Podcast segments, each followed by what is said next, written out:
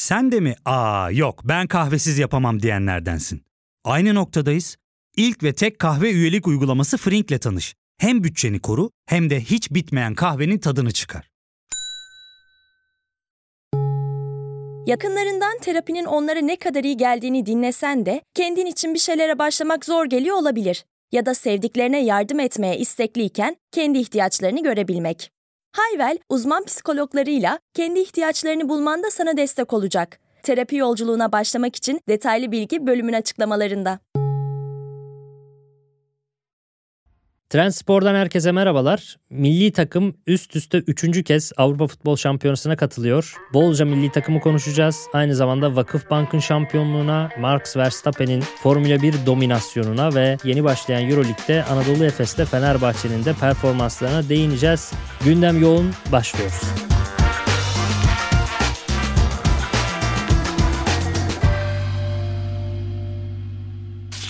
Milli takım yeni teknik direktörümüz Vincenzo Montella ile iki maçını daha kazandı ve Euro 2024'de katılmayı garantiledi. Bir maçımız daha olmasına rağmen erkenden bu bileti kapmış olduk ve ard arda 3. Avrupa Şampiyonası'na katılımımızı da garantilemiş olduk. Montella ile birlikte hem Hırvatistan'ı 1-0 yendik deplasmanda hem de Letonya'yı kendi sahamızda 4-0 yendik. Bu iki galibiyet de Türk futbol tarihi için bir ilk oldu. Hem Letonya'yı ilk kez kendi sahamızda yenmiş olduk hem de Hırvatistan'ı Sırbistan'dan ayrıldıktan sonra kendi sahalarında oynadıkları ilk mağlubiyeti Hırvatistan'a yaşatmış olduk böyle ilkler vardı ve bu ilklerin sonucunda da ard arda üçüncü kez Avrupa Şampiyonası'nın kapısı aralanmış oldu. Aynı zamanda bizi Avrupa Şampiyonası'na götüren ilk yabancı hoca da Vincenzo Montella oldu. Tabi Kuntz döneminde katmak lazım her ne kadar kötü anmış olsak da ikisinin birlikte bitirdiği bir yol oldu bu. Ve tabii şunu da söyleyelim Avrupa Futbol Şampiyonası'na katılan takım sayısı her geçen sefer artıyor. Onun da etkisiyle biraz daha böyle bir başarıyı kazanmış olduk. Daha önce 2020'de Şenol Güneş'le 1996, 2008 ve 2016'da Fatih Terim'le ve 2000 yılında da Mustafa Denizli ile Avrupa Futbol Şampiyonalarına katılmıştık. Bu kez de bir İtalyanla Vincenzo Montella ile orada olacağız. Tabii bu katılımlar arasında dediğim gibi en zor olanı 1996 ilk olanı. Hem torba olarak çok gerideydik hem de katılan ülke sayısı çok değildi.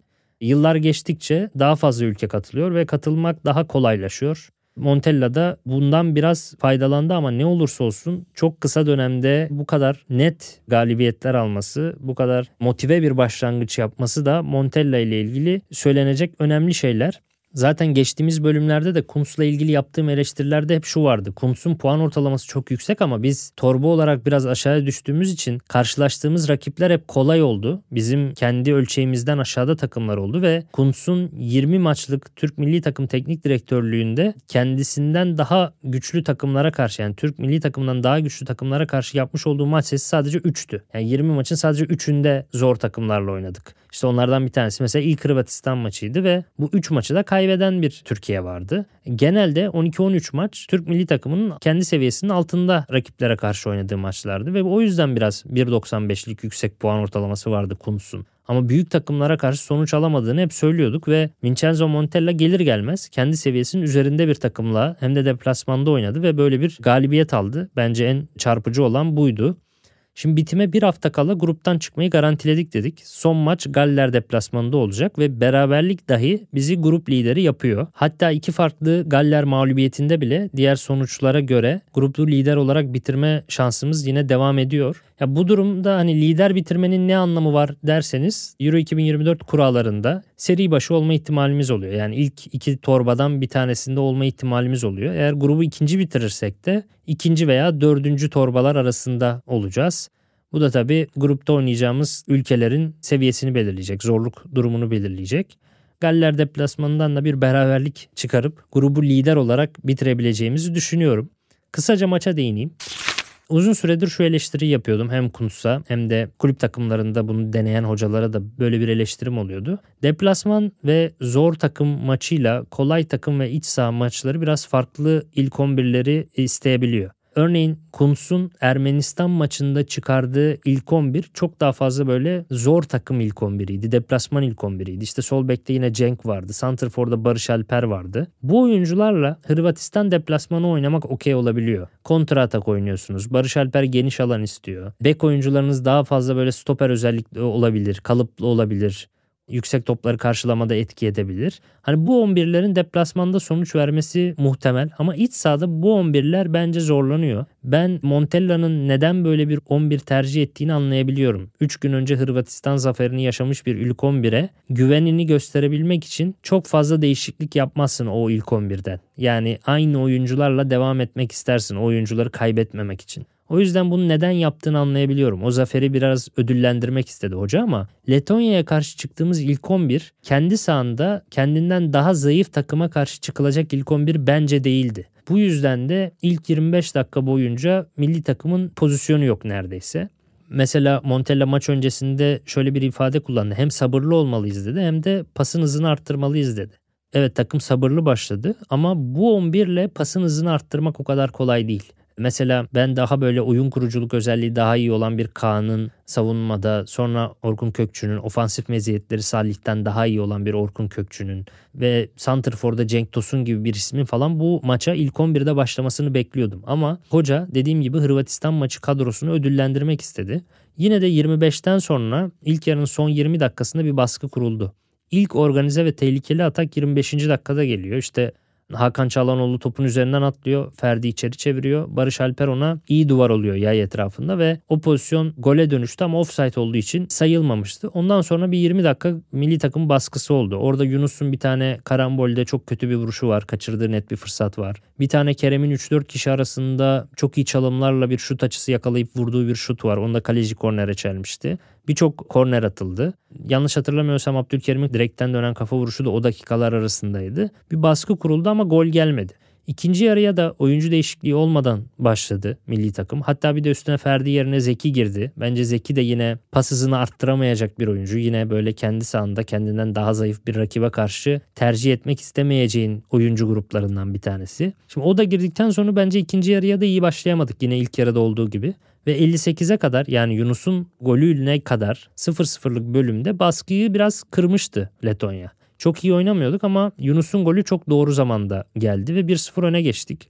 1-0'dan sonra rakibin ben açılmasını bekliyordum ve bizim için işlerin çok daha fazla kolaylaşmasını bekliyordum. Fakat hiç düşündüğüm gibi olmadı. 58'den 83'e kadar bir 25 dakika çok ciddi baskı yedik. Orada Salih'in kale sahasının içinden çıkardığı bir top var. Üst direkten dönen bir top var. Onun dışında kaleci Uğurcan'la karşı karşıya kalınan bir pozisyon var. Uğurcan üzerinden aşırtılmasına izin vermedi. İyi kurtardı o topu. Yani 3 tane net pozisyonu var Letonya'nın maç 1-0 iken. Orayı da bir şekilde şansımızın da yardımıyla atlattık ve 83'te Cenk Tosun'la golü bulunca o zaman Letonya kırıldı ve 4-0'a götürdük maçı. Cenk Tosun'un golü bu açıdan önemli. Yani biraz önce anlattığım Barış Alper'in kapalı savunmaları açma konusunda doğru bir santrfor olmamasıyla da alakalı bir konu. Bizim 9 numaramız eksik. Hırvatistan deplasmanına Barış Alper'le çıkmak son derece iyi bir çözüm sunabiliyor. Fakat kendine denk veya kendinden zayıf rakiplere karşı bir 9 numara arayabiliyorsun. Ve Cenk Tosun da bu sezona çok zorlu girdi. Çünkü yaz kampı döneminde Cenk Tosun sakattı. Cenk Tosun sakat olduğu için de Beşiktaş'ta da iyi başlayamadı. Beşiktaş'ta da yedek hala ilk 11'i alamadı. Yeni yeni hazırlanıyor. Umarım bahar döneminde formunu katlar ve 2024 yazında da bu Avrupa Şampiyonası'nda formunun zirvesinde bir Cenk Tosun'la mücadele ederiz diye düşünüyorum. Cenk'te böyle bir durum olduğu gibi biliyorsunuz Enes Ünal da o tip bir 9 numara. Klasik bir 9 numara. Enes Ünal da çok kötü bir sakatlık geçirdi. O da neyse ki Kasım ayında sahalara dönüyor önümüzdeki günlerde. Onun da umarım sezonun ikinci yarısında güçlenip yaz döneminde Avrupa Şampiyonası'nda bizimle birlikte olur. Onun dışında bir de zaten Umut Nayır vardı. Ümraniye'de çok formda ve çok gol atan bir Umut Nayır vardı ama şu anda Fenerbahçe'nin 3. santrforu olarak Ceko ve Batshuayi'den sonra geliyor. Çok fazla süre bulamıyor. Ben yine de bu maç kadroda olmasını beklerdim. Çünkü dediğim gibi böyle maçlarda 9 numaranın katkısı çok belirleyici oluyor. Yani Cenk girdi oyuna bir arka direkte kafa golünü attı. Ondan öncesinde bir göğüs pası çıkardı Hakan Çalhanoğlu'na. Net bir şut fırsatı yarattı. E sonra İsmail'in kaptığı topta ikinci golünü attı. Hatta bir tane de volesi böyle direkt dibinden gitti. Az daha 20 dakikada 3 tane gol atıp hat yapıyordu yani. Bazı şeyleri 9 numaralar çok kolaylaştırabiliyor bu tip maçlarda. O yüzden Cenk'in Euro 2024'te formda bir halde maç oynuyorken turnuvaya katılması bence çok önemli. Bu arada Cenk Kasım 2015'ten bu yana milli takımda en çok gol atan futbolcu oldu. Yani son 8 senenin milli takımdaki en skorer oyuncusu da Cenk Tosun. Şimdi oyunculara değinmişken tabii Hırvatistan maçı performanslarını da biraz yorumlamak lazım ve Hırvatistan maçında İsmail'in olağanüstü bir maç çıkardığını da söylemek lazım ve bence daha çarpıcı olanı şu. Geçen senenin Mart ayında yani 2023'ün Mart ayında İsmail'in en kötü maçı ilk Hırvatistan maçıydı. Bursa'da oynanmıştı o maç hatırlarsınız ve Hırvatistan 2-0 kazanmıştı. Livakovic'in müthiş oynadığı maç. Ve İsmail'in bir top kontrol hatası sonucunda Hırvatistan gole gitmişti ve maçı koparmıştı. İsmail'in yakın dönemindeki en kötü maçı ilk Hırvatistan maçıydı.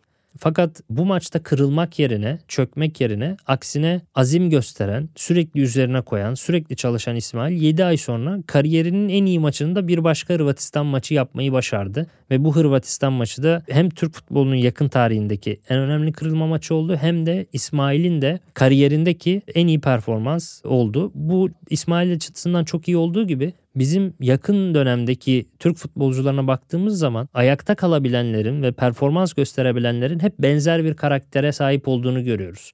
Yani Kerem Aktürkoğlu da çok uzun süredir çok ağır eleştiriliyor ama o eleştirilerden yılmayıp her seferinde daha güçlü çıkmayı biliyor. Daha yüksek performansla çıkmayı biliyor. Asist kralı oluyor. İşte Galatasaray'da çok eleştirilmesine rağmen ilk 11 oluyor ve üzerine koyuyor. Abdülkerim aynı şekilde yani geçen senenin başında Giresunspor maçında yaptığı hatadan sonra işte Galatasaray futbolcusu olamaz üç büyüklerde oynayamaz denilen oyuncu bugün milli takımda Çağlarlardan, Merihlerden çok daha üstün performans sergiledi ve takımı Avrupa Şampiyonası'na götüren isimlerden bir tanesi oldu. Yani yakın dönemde yükselen Türk futbolcuların tamamı İsmail gibi, Kerem gibi yaşadığı kötü durumlardan sonra yılmayan, işte Kerem'in Marka ile kavgasını falan da hatırlıyoruz.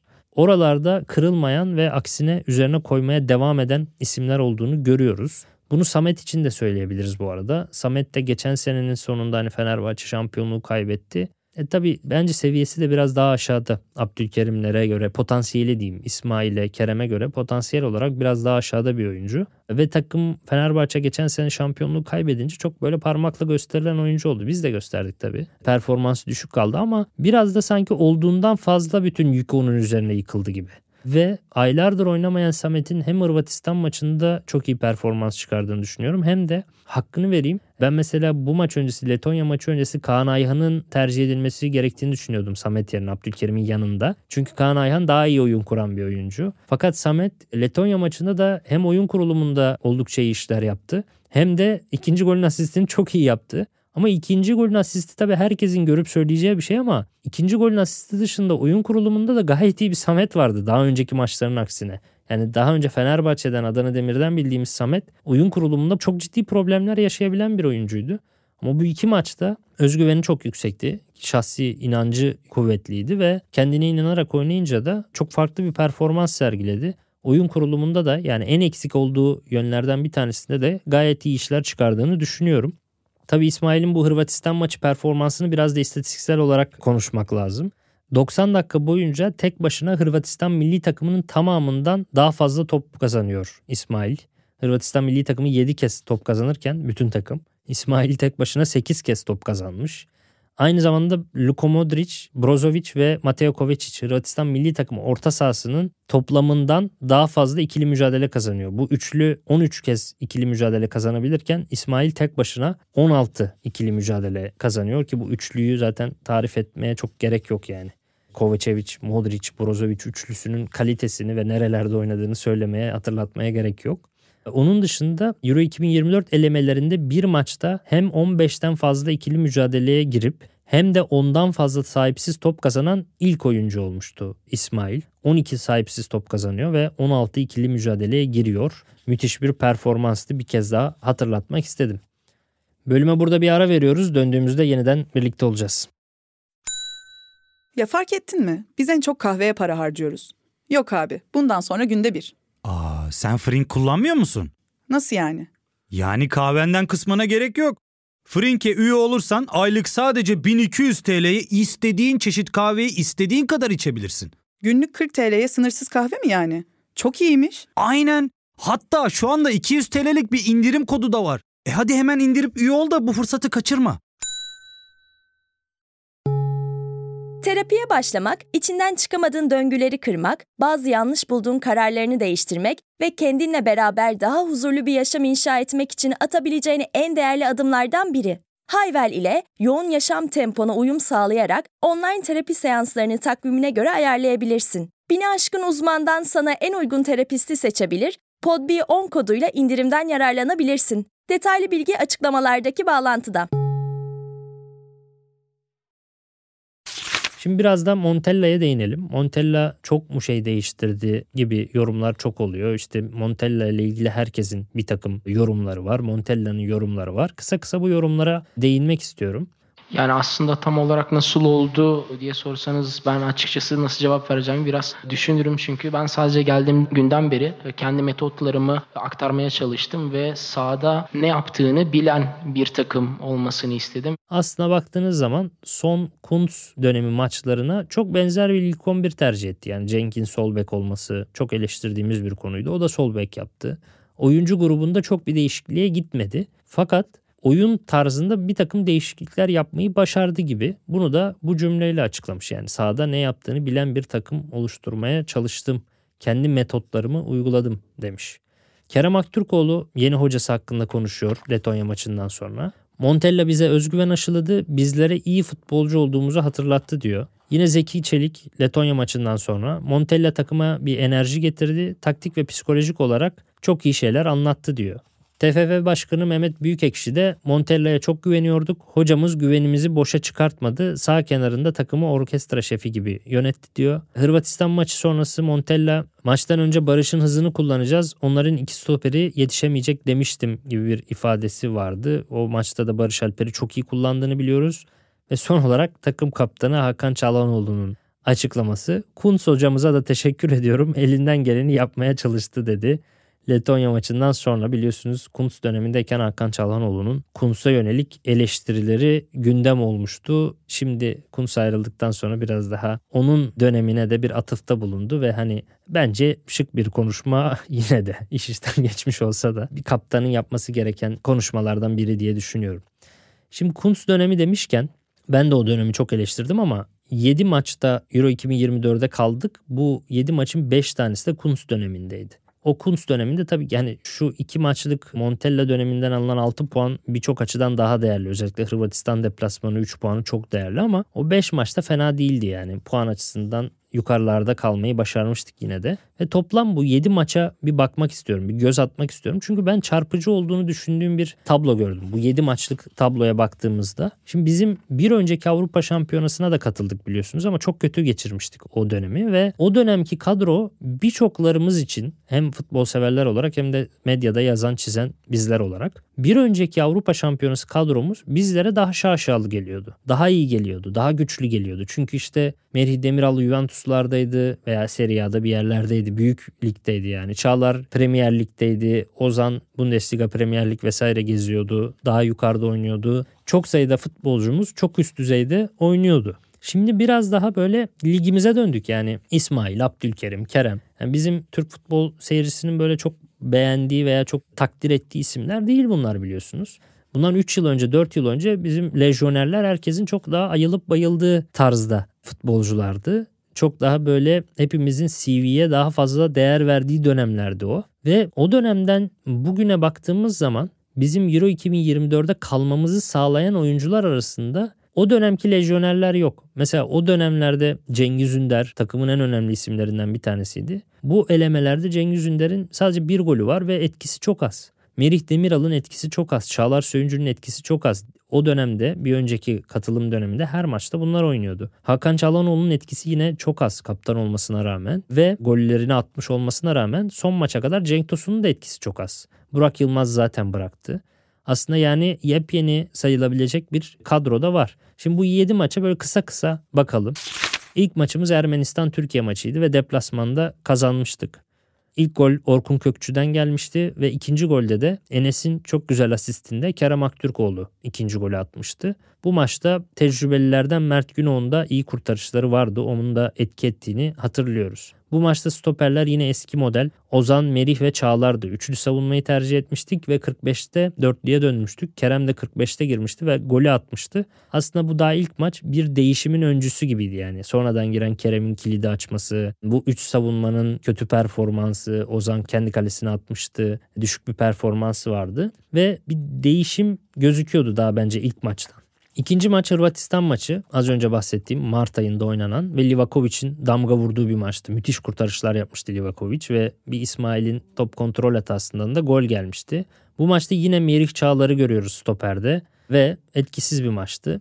Üçüncü maç Letonya deplasmanı. Geçen Haziran ayında Abdülkerim oynuyor sol stoperde nihayet ve golünü atıyor oynar oynamaz. Cengiz'in tek golü bu maçta ama yine de çok etkili olamadığını hatırlıyorum ben Cengiz'in bu maçta. Eleştiriler de olmuştu. Ve Umut Nayır Santrfor'da oynamıştı ama çok etkili değildi. Yine de böyle savunmada bir korner karşılarken burnunu ya da böyle elmacık kemiğini falan kırdığını hatırlıyorum. Yani özverili oynamıştı ama hücumcular da ona yardımcı olamadığı için çok etkili olamamıştı. Bu maçta sonradan giren Barış Alper çok etkili olmuştu ve onun böyle yoktan var ettiği bir ortayla arka direkte İrfan Can golü atmıştı ve 90 artı 5'teki bu golle maçı 3-2 kazanmıştık. Bu maçta ikinci golün asistini yapan Orkun da bayağı iyi oynamıştı yine.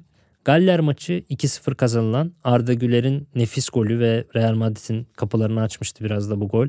Aynı maçta Barış Alper santrfor başlamıştı. Sonra sol açığa geçti. Sonra sağ açığa geçti. En son Ferdi sakatlanmıştı yanlış hatırlamıyorsam. Sağ bek bile oynamıştı son 20 dakika. İkinci golün asisti de yine Barış Alper'den gelmişti.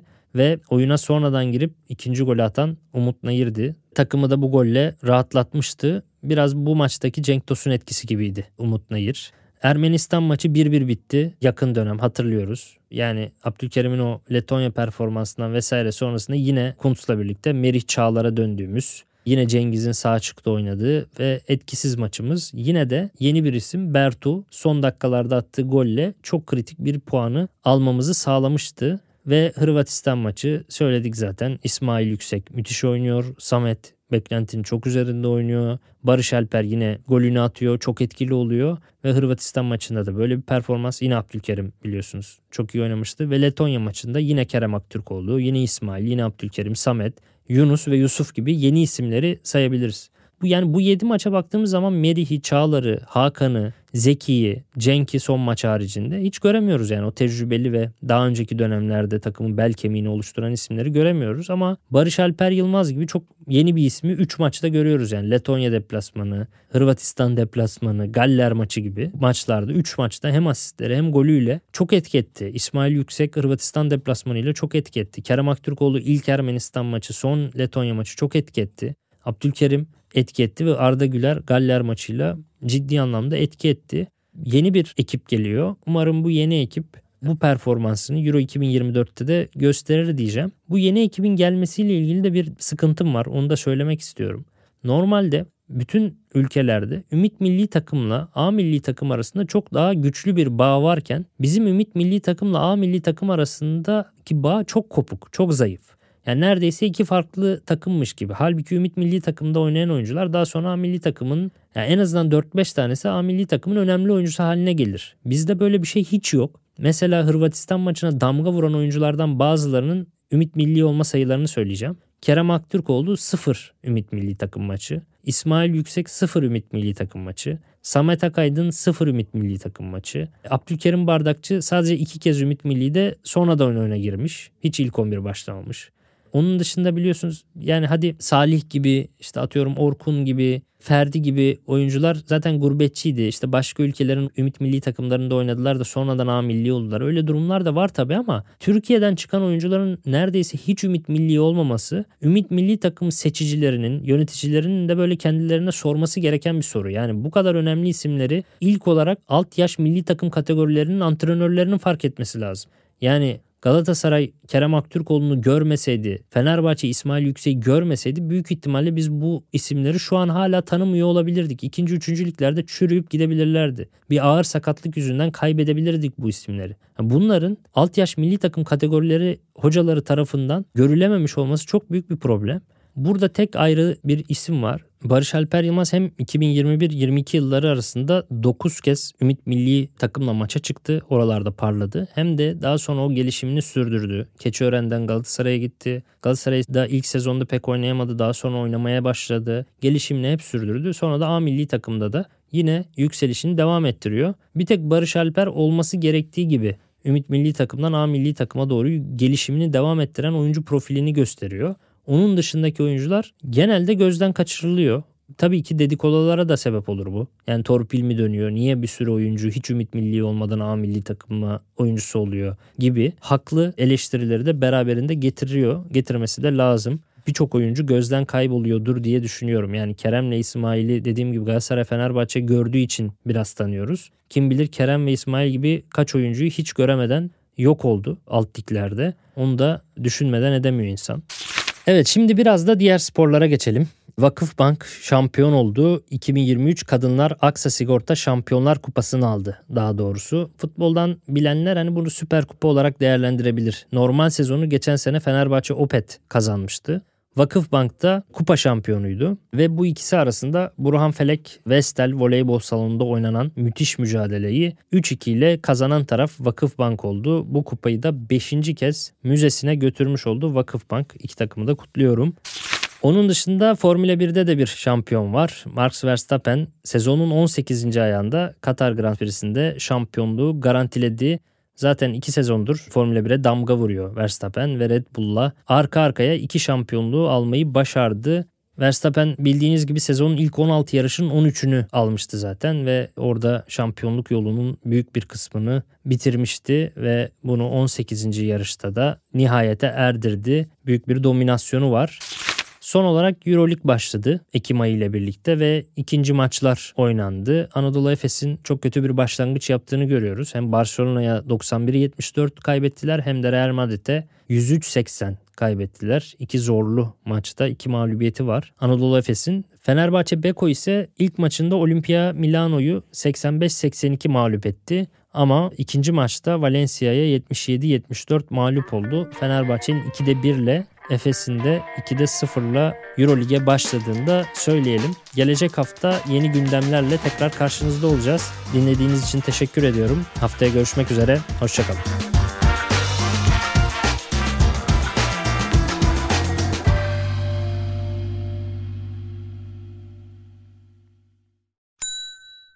İlk ve tek kahve üyelik uygulaması Frink, 46 ildeki 500'den fazla noktada seni bekliyor.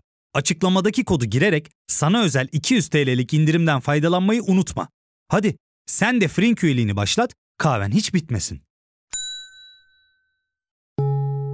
Hem bugününe hem yarınına katacaklarıyla terapi yolculuğuna ve daha iyi hissetmeye bugün Hayvel ile başla. Açıklamadaki linkten Hayvel'i indir, ücretsiz tanışma görüşmelerinin ardından bütçene uygun seans paketini seç ve terapi yolculuğuna başla.